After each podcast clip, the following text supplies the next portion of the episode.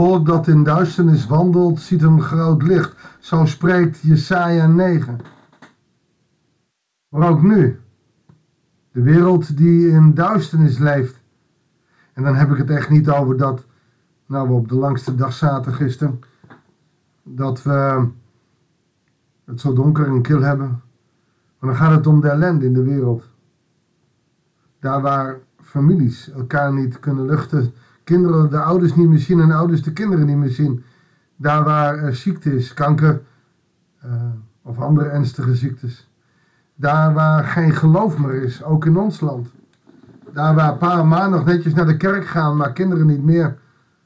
Daar waar sommigen alleen met kerst gaan. Daar waar.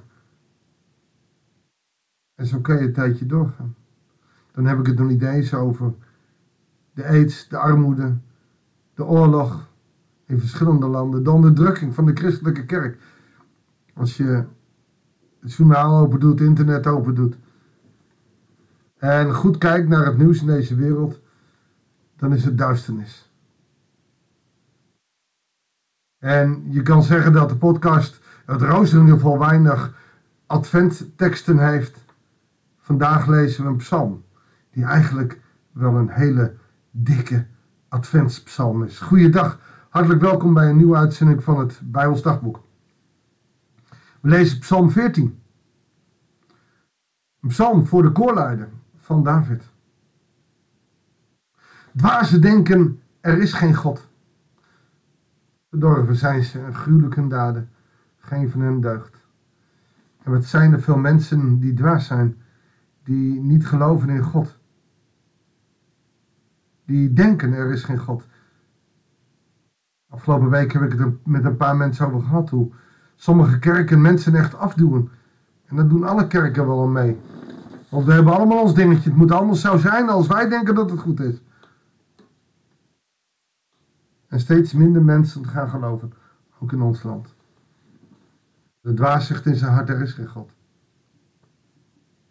De Heer kijkt vanuit de hemel naar de mensen om te zien of er één verstandig is. één die God zoekt. En de vraag aan jou in deze advent. Ben jij die ene die God zoekt? Midden in deze duisternis ben je op zoek naar een beetje geloof of naar radicaal geloof. Ben je op zoek naar het kind in de stal? Ben je op zoek naar de bevrijder? Moet jij überhaupt wel bevrijd worden? Ben jij wijs? Allen, en dat bedoelt hij velen, zijn afgedwaald, allen ontaard. Geen van hen deugt niet één. Nou, we hebben het in Koningen gezien, in Jesaja gezien, dat niemand zijn hart uh, aan God geeft. Maar ook dat geldt in ons land. Het is duisternis. Ze dan geen inzicht, de kwaadstichters. Ze verslinden mijn volk. Of het brood is en roepen de Heer niet aan. En in dat land leef jij, lieve podcastluisteraar. Jij leeft in een land waar steeds minder mensen God aanroepen, verstandig zijn en op zoek zijn naar God. En over ons land en over onze wereld wordt uitgesproken nog even. En overvalt een hevige angst. Want God is met de rechtvaardigen. En daar heb ik meteen een vraag bij. Als jij bij die rechtvaardigen hoort, mensen die op zoek zijn naar God. Kunnen mensen dan bij jou zien dat jij het geluk hebt in deze tijd?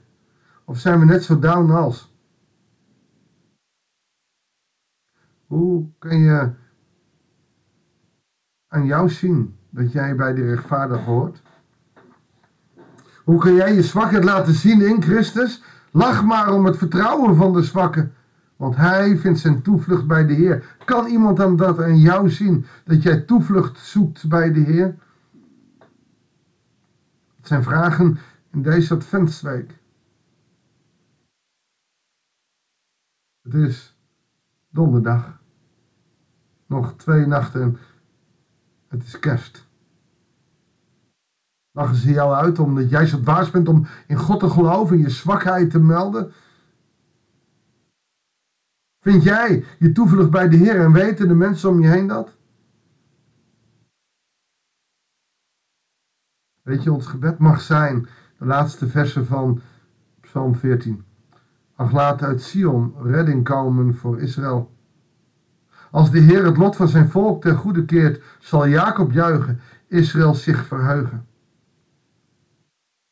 Je zou hier een aanvulling kunnen doen. Ach, laat uit Sion redding komen voor de wereld. Als de Heer het lot van zijn volk, de wereld, ten goede keert, zal Jacob juichen, Israël zich verheugen en alle christenen verblijd zijn. Dit geldt ook voor ons. Het is een adventspsalm. Laat uit Sion redding komen voor Israël, voor de wereld, voor jou en mij. In Bethlehem zal er een plekje zijn waar niemand wil wonen, waar niemand wil zijn. Maar wij mogen op zoek.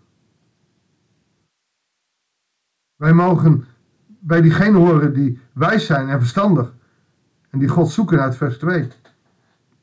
In deze duisternis op zoek naar een God die, die jou wat zegt, die jou aanspreekt, die wat voor jou betekent. Ben jij degene die God zoekt? Ik wil met je bidden. Knielen voor uw kribbe neer. In gedachten in die, dat huis in Bethlehem. Waar Maria en Jozef aan zijn gekomen en waar het kind in een voederbak van de dieren ligt. Omdat Jozef die gehaald heeft om daar zijn kind in te leggen als zijn een soort wieg. En, en zo'n voederbak is open en, en, je kijkt door de spijlen heen en, en ziet het kind, kniel bij dat kind. Heer, we knielen bij uw kribbe neer en, en we zoeken u. En dan zoeken we wat we met dat kind willen, wat we met u willen, Jezus. Wij willen dat u onze redder bent. Maar het is zo raar om bij een kind te zitten. God, geef ons het vertrouwen dat dit kind de redder is van de wereld. Heer, u bent een goede God. Bij u mogen wij als zwakke mensen ons toevlucht vinden. Heer, laat de redding uit Sion komen. Niet alleen voor Israël, maar voor de hele wereld.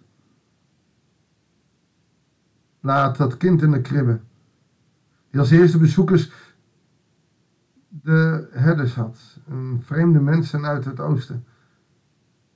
Laat dat kind ons redden. Laat dat woord in de kribbe, dat in het begin al sprak. Woorden spreken ons hart van liefde, recht en gerechtigheid. Maar ook laten die woorden van dat kind ons snoeien, daar waar wij gesnoeid moeten worden. Heer, dit alles bidden wij u. In de machtige naam van dat kind in de kribbe, onze Heer Jezus Christus. Amen. Dankjewel voor het luisteren. Ik wens je een goede dag. God zegen en heel graag tot de volgende uitzending van het Bijbelsdagboek.